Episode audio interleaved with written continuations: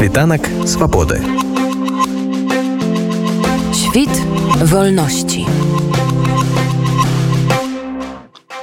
Беларуская праграма світанак свабоды працягваецца ў ранішнім эфіры радыёнет з вами Андрусь гаёвы мы звяртаемся непасрэдна да беларускай тэматыкі.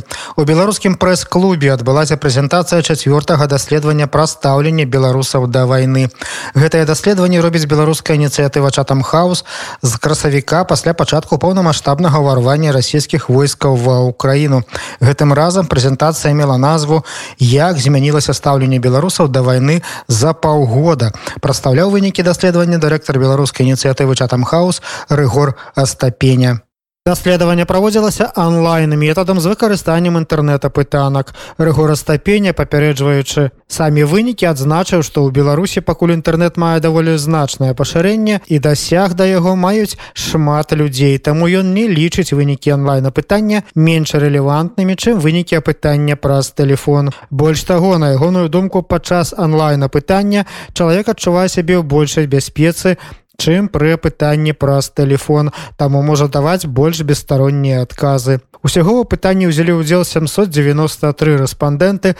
Гэта ўсё жыхары беларускіх гарадоў з адпаведнай сярэднім паказчыкам структурай паводле ўзросту полу і сацыяльнаму статусу. Найперш рэгора стапеня вылучыў тры асноўныя з'явы якія кідаюцца ў вочы пры азнаяўленні з вынікамі чацвёртага даследавання стаўлення беларусаў да войны то что мы видим это то что все-таки вот это топтание на месте присутствует.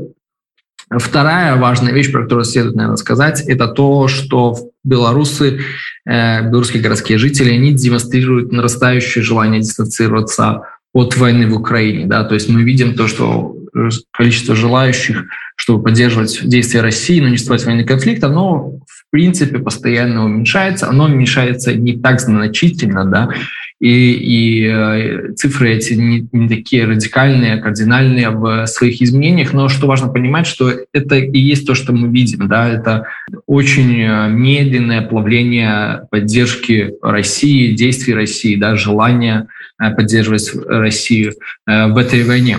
Это тот процесс, который происходит, и что важно, что мы видим его также в других исследованиях. И мы видим, например, в исследовании профессора Вардаматского происходит подобная ситуация.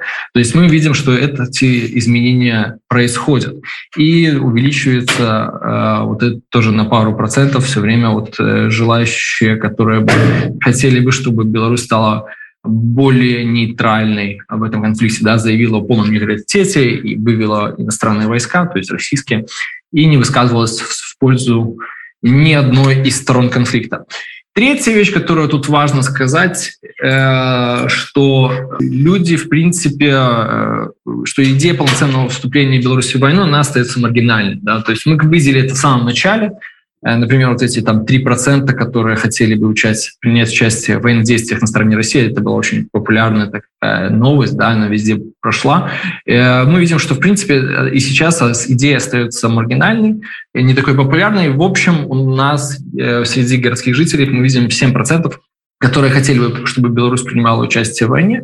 При этом 5% это на стороне России и 2% на стороне Украины. Основное пытание наўпростава ці падтрымліваеце вы тое что робіць Россия ва Украине вот что показало даследаванне что же думают белорусы поддерживают или не поддерживают белорусы военные действия да то что делает Россия сейчас на территории Украины мы видим то что эта поддержка опять же уменьшается на несколько процентов Э, она также мы задавали похожий вопрос в в апреле, ну, там чуть иначе была формулировка, но в любом случае, даже по сравнению с теми данными, мы видим, что идет вот это плавление российской поддержки, уменьшение постепенное того, э, как белорусы относятся, насколько поддерживают или не поддерживают действия России. То есть сейчас это 45 на 30 пропорция, да, 45% не поддерживают, 30% поддерживают.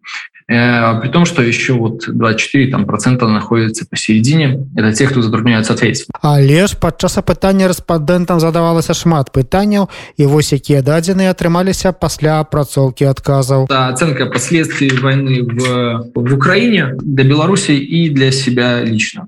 И мы видим, что тут изменений в структуре ожиданий Э, последствий нет, то есть белорусы настроены пессимистично э, в отношении войны и ожидают, в общем-то, негативных последствий того, э, как какие результаты принесет эта война для Беларуси. Как люди оценивают успешность реализации да, того, как воюют э, стороны, российские войска, украинские войска. Мы видим то, что это во многом связано с медиапотреблением.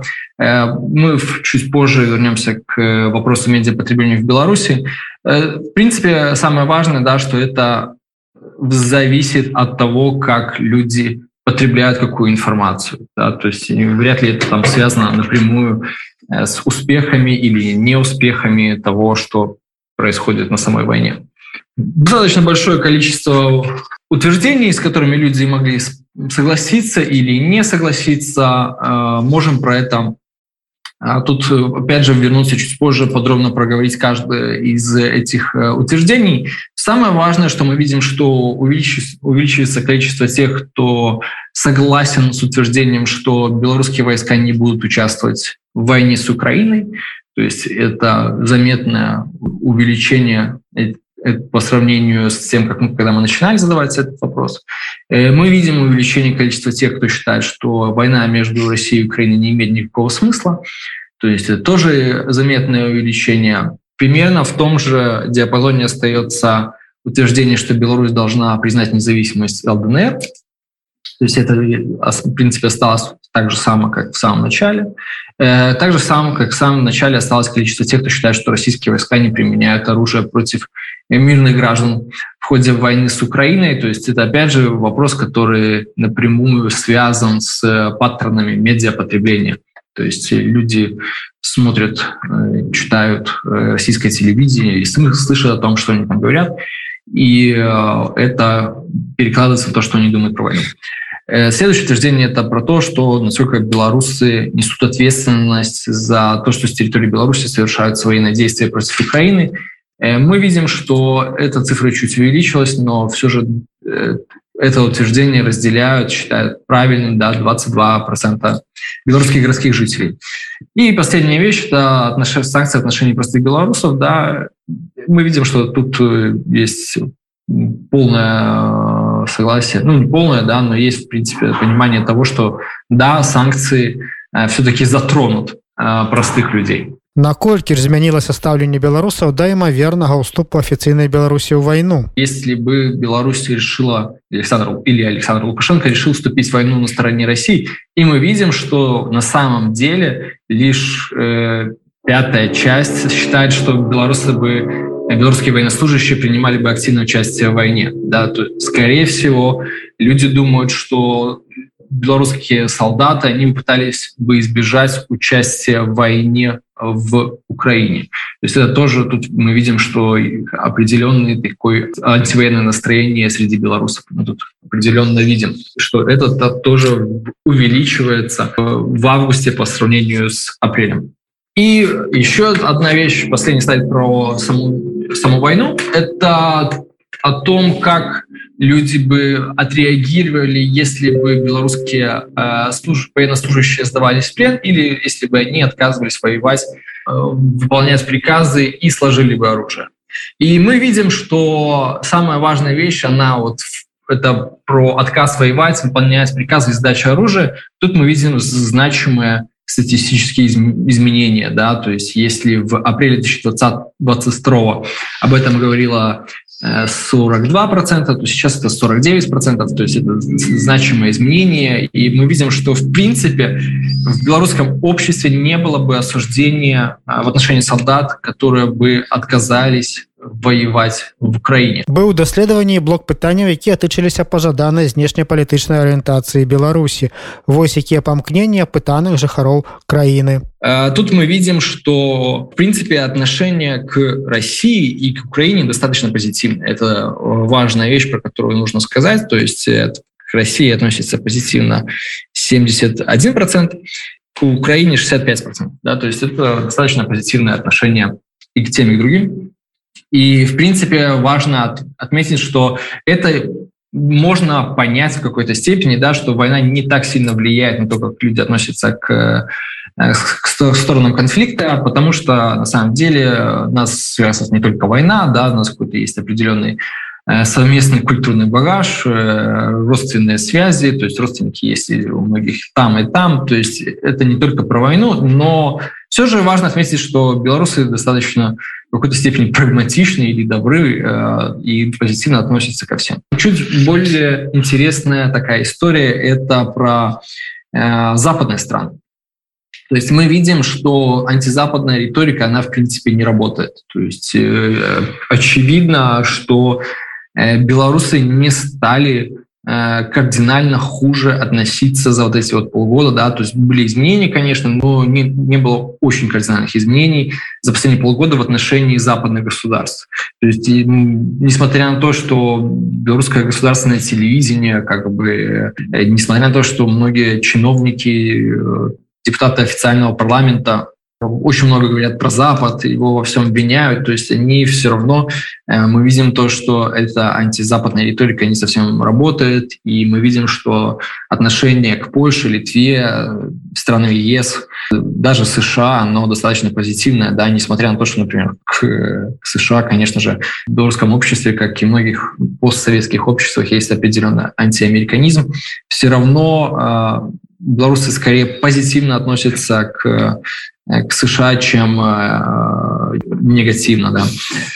Поэтому э, тут мы, наверное, еще будем дальше исследовать этот вопрос, потому что здесь интересные происходят изменения, почему-то растет, есть улучшение отношения к Западу. Это интересно, мы это также хотели бы изучить, особенно в контексте того, что не только там пропаганды, но и в контексте того, что ну, все-таки э, вот, а западные страны ввели очень значимые экономические санкции в отношении Беларуси, и, и мы видим, что даже они по большому счету не влияют на то, как э, белорусы относятся к странам Запада. Отношение к ОДКБ мы видели, что последние вот полгода нарастало количество тех, кто хотел бы, чтобы э, Беларусь сохранил, э, стремилась к выходу из ОДКБ и сохранила нейтралитет после того, как она выйдет из него, не вступала в какие военные союзы. Сейчас это число чуть уменьшилось чуть увеличилось количество тех, кто хотели бы, чтобы Беларусь сохраняла членство в ОДКБ.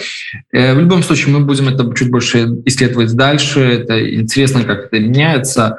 Но тут я мог бы отметить то, что Э, важная вещь то, что есть определенный раскол, да, то есть э, не раскол, боже, но разделение конкретное между теми, кто считает, что Беларусь должна сохранять членство в ДКБ, и теми, кто считает, что Беларусь должна стремиться к нейтралитету. И при этом есть определенное количество тех, кто считает, что Беларусь должна стремиться э, к вступлению в НАТО. Следующий вопрос про э, военное присутствие России в Беларуси. Тут изменений значимых нет. А, белорусы все так же негативно относятся к размещению российской военной базы и совсем не принимают а, идею о размещении российского ядерного оружия на территории Беларуси. А, и при этом, что важно отметить, да, что, конечно же, идея о ядерном оружии, она воспринимается куда более негативно, чем размещение российской военной базы. Но, опять же, если посмотреть, то мы увидим, что все равно есть определенное количество тех кто э, положительно относится к обоим из этих идей. Геополитические предпочтения. Э, мы видим то, что война вынудила белорусов перестать верить в симметричные дружественные отношения и с Россией, и с Европейским Союзом.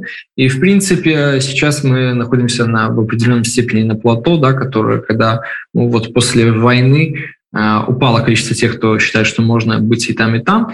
И в основном оно упало за счет того, что многие люди, которые считали, некоторые люди, которые считали, что Беларусь должна быть э, строить хорошие отношения и там, и там, все-таки считают, что важно входить в Европейский Союз, да, иметь проевропейскую ориентацию. Другие политические предпочтения, которые то, как белорусы вообще видят союз с Россией. Да. И мы видим тут э, то же самое примерно, что мы видели всегда, это то, что белорусы э, видят союз с Россией как чисто экономический, который построен на том, что у нас будет зона свободной торговли, что у нас будет единое экономическое пространство. Но, в принципе, достаточно мало людей говорит о том, что нужно э, иметь совместную внешнюю политику армию, то есть таких процентов 13.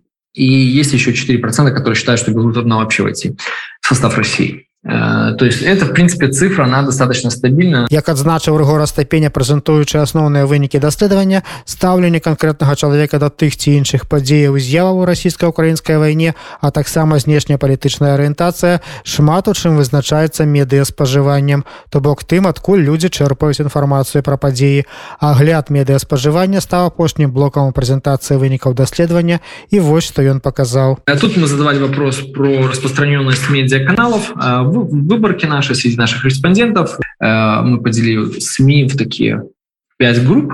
Это белорусский государственный телевизор, российский государственный телевизор, потом э, это белорусские негосударственные СМИ, потом российские негосударственные СМИ, и пятое – это большое количество разных российских ресурсов, государственных и негосударственных, в основном государственных. И почему мы добавили эту группу? Это фактически группа, которая живет на трафике от Яндекса. То есть белорусы заходят в основном туда через, через то, что им предлагает Яндекс. И мы видим то, что 12% в случае телевизора белорусского государственного, 13 российского государственного, 9 э, в случае белорусских независимых СМИ, э, российских независимых СМИ 6% и 7% у российских э, вот этих СМИ, которые живут на трафике от Яндекса. Как зависит поддержка действий России в Украине в зависимости от медиапотребления, мы видим, что те люди, которые